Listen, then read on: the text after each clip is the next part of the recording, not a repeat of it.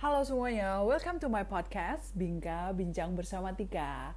Well, ini adalah podcast pertama yang aku publis dan kemarin sempat bingung mau buat judulnya apa atau cerita tentang apa. Karena aku pengennya semua yang aku sharing itu bermanfaat, inspiratif, atau bisa menghibur semua yang lagi mendengarkan aku. Mungkin kalian sekarang lagi ada yang sedih, yang galau, yang lagi stres karena pemberitaan-pemberitaan tentang corona ini masih tinggi banget di Indonesia maupun di dunia. Mudah-mudahan ini semua cepat berlalu ya guys, biar kita bisa kembali beraktivitas secara sehat, secara aman, kembali lagi mencari rezeki, bisa mengatur kembali ritme hidup kita yang sempat harus stay at home selama 14 hari dan mudah-mudahan ada kebaikan-kebaikan yang dihasilkan dari perenungan kita selama 14 hari ini. Amin. Well, anyway, sesuai judul podcast ini adalah introducing about myself. Jadi aku tuh langsung keinget peribahasa Indonesia tak kenal maka tak sayang. Walaupun biasanya udah kita sayang-sayang nih, tiba-tiba dia pura-pura nggak kenal. Dah, kan ambiar. so, hari ini aku akan bercerita sedikit tentang diri aku kali ya walaupun aku agak-agak bingung sih mulainya mau dari mana. Karena karena nggak ada yang nanya jadi aku juga bingung harus mulai dari mana. But anyway doesn't matter. Aku akan coba untuk elaborate myself a little bit. So everyone's here yang masih belum kenal aku atau mungkin ba baru tahu aku beberapa hari yang lalu melalui Instagram dan sebagainya bisa saling berkenalan di podcast aku ini. Nama aku Kartika Dewi biasanya kalau teman-teman deket, teman-teman main, biasa manggil aku itu Tika. Dan sebagian lagi sering banget manggil aku dengan sebutan Madam. Iya, aku sering banget dipanggil Madam. Jika misalnya ketemu di mana atau baru hangout bareng, pasti Hai Madam, apa kabar? Madam lagi ngapain? Itu udah hal yang biasa banget aku dengar. Aku juga nggak tahu sih kenapa mereka bisa come out dengan nama Madam ke aku. Mungkin mereka uh, merepresentasikan madam itu seperti biasa kan kalau di bule-bule sana ya.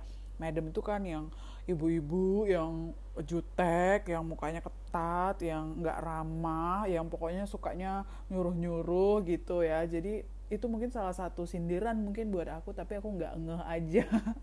But anyway doesn't matter sebenarnya apa pun yang teman-teman aku panggil ke aku as long as mereka nyaman, happy dan merasa lebih deket sama aku, I don't mind at all. Dan kalian juga terserah mau manggil aku apa, it's all up to you guys.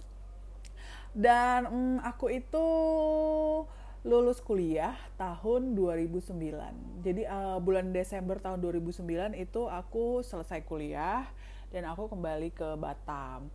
Dan dua minggu kemudian di bulan Januari 2010 aku alhamdulillah langsung keterima kerja. Jadi kalau dari interval waktu tadi yang aku sebutin udah bisa nebak lah ya umur aku itu berapa. Dan aku bekerja itu di bidang corporate dulunya. Jadi aku sama sekali bukan um, fully di entrepreneur sebelum ini. Jadi Mrs. Gifted itu bener-bener uh, lahir setelah bertahun-tahun lamanya aku bekerja di bidang corporate untuk corporate sendiri, aku itu fokusnya di oil and gas dan aku sebagai project secretary. Dan yang uniknya nih dari pekerjaan aku yang dulu nih di corporate, kita tuh kerja based on project. Jadi pekerjaan aku projectnya itu maksimal itu dua tahun. Jadi ada yang satu tahun, satu setengah tahun. Tapi maximally selama aku bekerja di corporate sih yang paling lama itu dua tahun. Jadi setelah dua tahun tuh biasanya kita ganti project baru. Aku dapat project lain ketemu teman-teman baru lagi bos yang baru terus uh, work uh, teammate aku juga baru. Tapi nggak jarang juga orang yang sama bos yang sama projectnya aja yang beda. Biasa kalau kehidupan di oil and gas sih kayak gitu-gitu aja. Dan selama aku kerja di oil and gas tuh biasanya kalau di project kita tuh bener-bener diforsir banget waktunya. Karena kita harus sesuai deadline selesainya jadi kerja itu ada yang mulai dari 8 eh, jam, 12 jam itu hal yang biasa banget.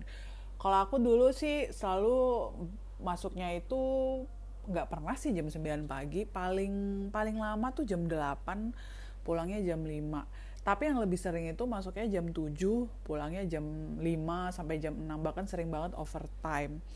Dan itu aku uh, menjalani hidup corporate itu bertahun-tahun lamanya. Sampai tuh ya, aku pernah dapet satu project itu tuh masuk kerjanya jam setengah tujuh pagi. Itu udah harus di kantor udah finger jam setengah tujuh itu udah masuk. Dan pulangnya itu paling cepet jam 5 sore. Which is juga jarang terjadi sih seringnya aku harus overtime sampai jam 6 bahkan jam 7 malam baru pulang. Dan yang lebih parah kantornya jauh banget dari rumah. Kantornya itu di Kabil. Sementara rumah aku tuh di Batu Aji. Dan yang lebih gila lagi dulu tuh aku nggak punya kendaraan sama sekali. Nggak punya motor juga guys. Jadi kalian bisa bayangin kan aku itu kalau pergi kerja harus ikut uh, bus atau transportasi yang disediain oleh kantor. Dan yang namanya kita naik bus itu itu kan pasti kita nggak jemput banyak temen ya. Nggak hanya cuman aku doang yang dijemput. Jadi karena rumah aku itu yang paling ujung, yang paling jauh di Batu Haji. Basically aku tuh yang paling pertama dijemput dan yang paling terakhir diantar pulang. Yeay, tepuk tangan dulu. Dan aku ngelakuin itu tuh cukup lama kayak ada setahunan ya. Sampai akhirnya aku punya kendaraan sendiri dan ya lebih lebih santai sih. But anyway, itulah kehidupan korporat aku dulu. Dan apalagi zaman aku kerja dulu sih belum ada kantor-kantor yang keren-keren kayak sekarang ya yang udah banyak startup yang pekerjaannya lebih fleksibel. Kalau aku sih dulu sama sekali nggak ada tuh yang kayak kayak gitu. Ya kerja benar-benar dari pagi ya sampai sore menghabiskan waktu di kantor di depan komputer. Dan yang paling aku sering bosan itu adalah melakukan hal yang sama di hari yang berbeda. Kayak basically you are just repeating the same works in the different days gitu. Hampir selalu seperti itu jadi kadang-kadang um, ngerasa bosen ngerasa kayak lelah jenuh tuh perasaan yang selalu datang kalau kita tuh udah capek udahlah capek dimarahin lagi sama bos terus uh, nggak uh, diapresiasi itu tuh kayak gimana ya rasanya? Kayak you just have no choice in your life itu tuh yang dulu selalu hadir dalam hari-hariku.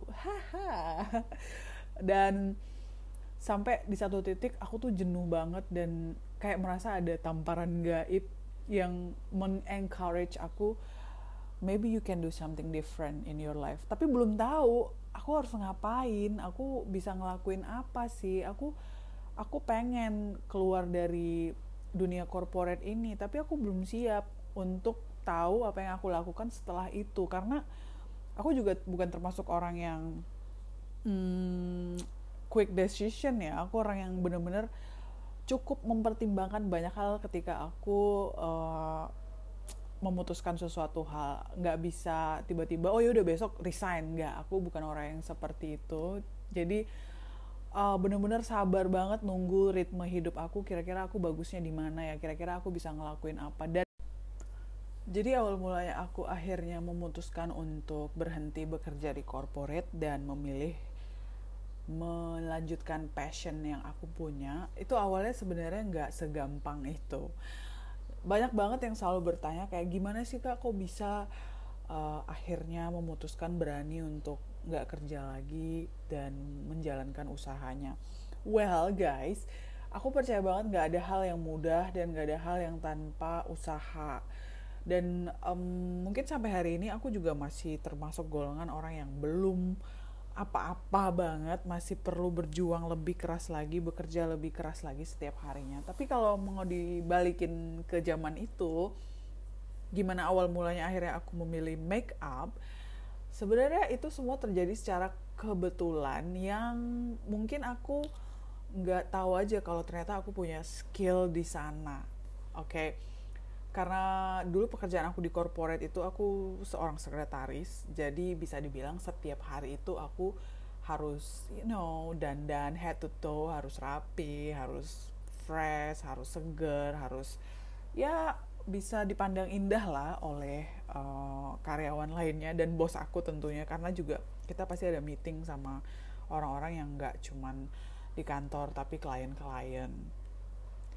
Aku ingat banget awal mulanya aku memikirkan kayaknya aku cocok nih jadi makeup artist itu pada saat di zaman itu aku masih kerja aku lupa di tahun berapa saya ingat aku tahun 2015an itu ada tiga orang dari temen atau sahabat deh aku bilangnya itu udah sahabat aku sih. Udah dari tiga orang dari sahabat baik aku ini menikah di tahun yang sama. Jadi di tahun itu tiga orang dari kami bertujuh menikah um, jadi seperti biasa kalau misalnya ada yang menikah kan kita dikasih baju tuh bahan baju untuk jadi seragaman.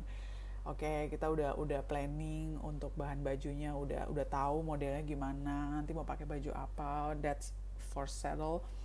Dan akhirnya tiba di part eh kita kok nggak make upan? gitu. Nah zaman dulu itu tahun-tahun segitu di Batam tuh masih asing ya untuk kata-kata makeup artist tuh masih jarang. Dan bahkan aku sendiri juga nggak tahu kalau mungkin udah ada cuman akunya yang belum terlalu tahu uh, siapa-siapa aja gitu. Yang pasti sih yang aku tahu ya kalau mau makeup tuh ya ke salon-salon gitu. Dan akhirnya aku bilang sama teman-teman ya udah nanti aku aja yang make upin orang aku bisa kok gitu. Dan ntar pakai alat makeup aku lah aman gitu nggak ada masalah. Dan mereka tuh kayak oh ya udah sih ketiga kan bisa make up gitu nanti tiga aja yang make upin. Mereka agreed on that setuju dan aku juga nggak ada masalah. Waktu itu niatnya bener-bener cuman ya udah kita biar cantik bareng-bareng pakai baju udah seragam biar uh, we're gonna be look good in the picture together and sharing the moment. Ya udah akhirnya aku make upin mereka kan ada tiga tiga tiga kali ya karena tiga pengantin dalam satu tahun. Dan mereka sempat ngomong kayak tiga kenapa nggak diseriusin aja gitu? Kamu kayaknya bisa. Terus aku bilang sih waktu itu kayak masa sih aku bisa? Iya bagus loh. Hasil makeupnya udah bagus banget gitu. Di tahun itu ya aku nggak tahu mereka bohong atau enggak tapi waktu itu aku masih sangat-sangat nggak percaya diri. Kayak ah enggak lah kayak nggak mungkin gitu. Tapi terbesit di dalam otak ya juga ya kenapa enggak gitu? Kalau emang bisa dijadiin freelance akhirnya aku menemukan sesuatu yang aku suka yang bisa aku lakuin kenapa enggak?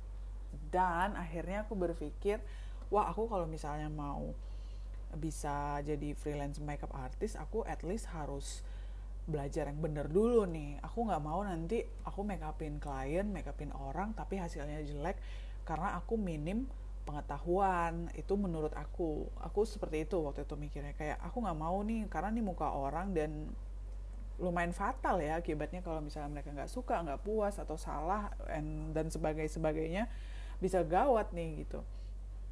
Akhirnya aku research research beberapa tempat di mana sih belajar make up termasuk di Batam gitu. Jadi sempat lihat yang di Batam hmm, kayaknya aku kurang serak kurang suka sama hasil-hasil yang uh, ada dari orang-orang yang menawarkan jasa private makeupnya. Aku mikir oh ya udah deh coba cari di Jakarta Bandung. Sempat nyari sempat ngelihat harga juga dan waktu itu mikir wah lumayan nih harganya lumayan mehong gitu. Mahal dan itu belum ongkos aku ke sananya belum aku harus cari modelnya dan ternyata di sana mereka minta uh, kita udah punya alat-alat makeup sendiri. Jadi aku kan emang beneran nggak punya juga ya yang punya aku juga seadanya banget yang memang hari-hari aku pakai untuk kerja gitu.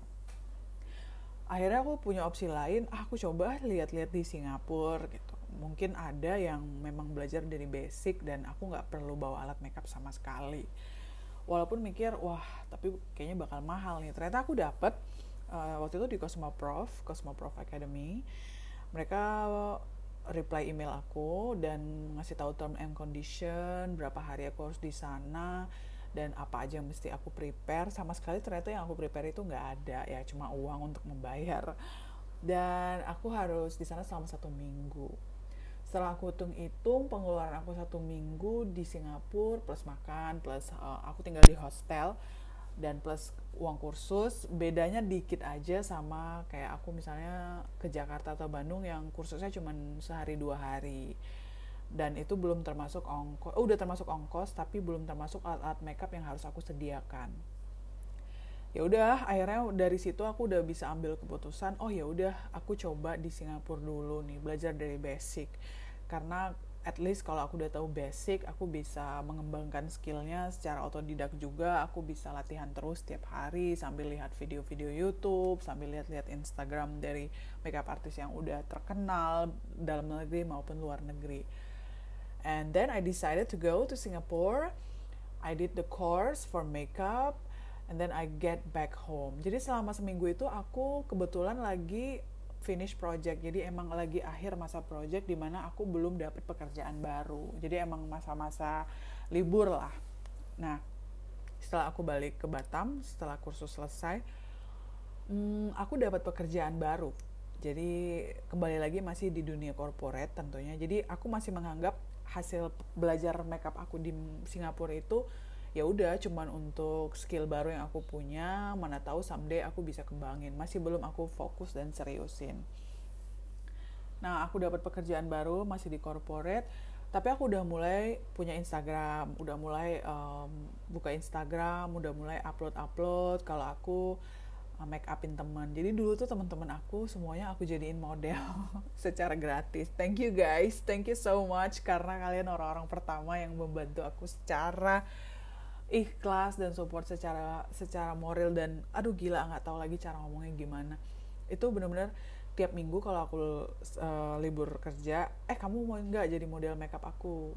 Aku lagi belajar makeup nih. Dan mereka semua tuh mau tanpa diminta eh maksudnya tanpa bertanya A B C D nanti gimana ini pembayaran? Nggak ada semuanya nggak apa-apa nggak masalah. Mereka malah seneng banget akhirnya di makeover gitu sama aku. Dari situ aku mulai uh, sering iklanin di Instagram, mulai sering upload di Instagram, dan aku juga mulai belajar gimana cara buat uh, video-video uh, tutorial make up secara kalau aku punya free time aja. Nah setelah, setelah berjalan Instagramnya dan aku masih kerja di corporate, ternyata permintaan makeup semakin lumayan, belum banyak ya, masih lumayan dalam artian orang-orang yang wisuda anak-anak wisuda itu udah mulai tahu udah mulai kenal akhirnya sering uh, eh, dapat rekomendasi oh kemarin aku tahu kakak dari si A karena dia pernah wisuda. Ya pokoknya mouth to mouth banget. Dan yang membuat aku kewalahan adalah mereka itu makeupnya sering di hari-hari biasa atau di pagi hari. Kayak wisuda gitu kan kita perlu jam 3 atau jam 4 pagi ya udah mulai makeup dan itu aku mulai kewalahan banget karena banyak banget dulu itu um, bookingan makeup yang aku cancel di hari biasa karena aku kerja dan aku nggak mungkin bisa libur segampang itu dan semudah itu untuk mengambil cuti. Ah, sampai minum ya aus banget. Terus akhirnya ya udah hmm, mulai dari situ um, semakin tahun di 2016 udah mulai banyak yang tahu. Aku udah mulai coba ikut-ikut kompetisi udah mulai belajar-belajar lagi um, dapat job job-job uh, ya yeah, you know job-job yang kecil-kecilan lah. Dapat job wedding dari teman. Bener-bener teman-teman deket banget yang awalnya mensupport aku untuk berkembang. Sampai aku berpikir terlalu banyak sudah kesempatan-kesempatan makeup yang aku hmm, yang aku tolak karena keadaan aku yang bekerja secara corporate. Lalu dari sanalah timbul uh, pertanyaan pertama ke diri sendiri, should you stop working in corporate life? Itu pertanyaan yang mengerikan sih waktu itu, bener-bener mengerikan dan kayak bisa nggak gitu, yakin. Ntar gimana? Ntar kalau nggak nggak berhasil gimana? Kalau misalnya ternyata itu cuman cuman hal yang nggak berkembang bagaimana gitu? Terus aku berpikir lagi oh ya udah kalau misalnya nanti tidak berhasil ya berarti aku akan kembali ke dunia corporate gitu. Dan aku tetap menjaga relasi aku di sini. Jadi akhirnya di tahun 2017 aku udah memutuskan di project aku itu waktu itu project terakhir aku aku berpikir oh ya udah selesai ini aku mau coba untuk uh, independen jadi selama tahun itu aku benar-benar nabung benar-benar dari uang gaji aku itu aku beliin beauty case beliin produk make up beli beliin apa yang masih bisa aku beli ketika aku ada uang ya. Jadi semua itu aku tabung dari uang ke gaji aku. Jadi karena aku tahu nanti kalau misalnya aku udah nggak kerja mungkin untuk beli alat-alat makeup baru waktunya nggak semudah ini dan nggak segampang yang sekarang and then the time is coming di tahun 2017 aku selesai project. Waktu itu udah ditawarin untuk pekerjaan baru tapi aku menolak. Aku bilang sama mantan bosku nggak nggak dulu aku mau istirahat aku mau coba untuk uh, dunia entrepreneur. Uh, banyak sekali orang yang nggak setuju dengan apa yang udah aku putuskan. It's true banyak banget termasuk orang tua aku sendiri sangat sangat tidak setuju jadi um, ini baru perjuangan memulai aja itu udah berat banget di waktu itu kayak tantangannya luas, tantangannya berat, yang mencemooh banyak, yang mengecilkan aku tuh banyak. Orang tua aku sendiri bahkan bilang ngapain gitu. Ini emang bisa ngasilin uang gitu. Emang ini bisa bikin pendapatannya sama seperti waktu kerja. Yang waktu itu aku sedih gitu, tapi aku tetap uh, pada tekad aku sendiri, tetap kepada um, diri aku sendiri bahwasanya apa pun yang udah aku putuskan aku harus lakukan gitu dan aku harus berani menanggung resikonya dan akhirnya aku bilang kepada siapa pun yang udah mengecilkan aku dan melihat down you know looking down at me like what the hell are you doing you are just crazy enough to do that dan aku selalu bilang it's okay I'm just I'm going to go trying this as much as I can and I know I have the skill dan aku udah punya sertifikatnya juga dan aku mau mengembangkan ini. So dari sanalah di awal mulanya aku full fokus di Mrs. Gifted Makeup.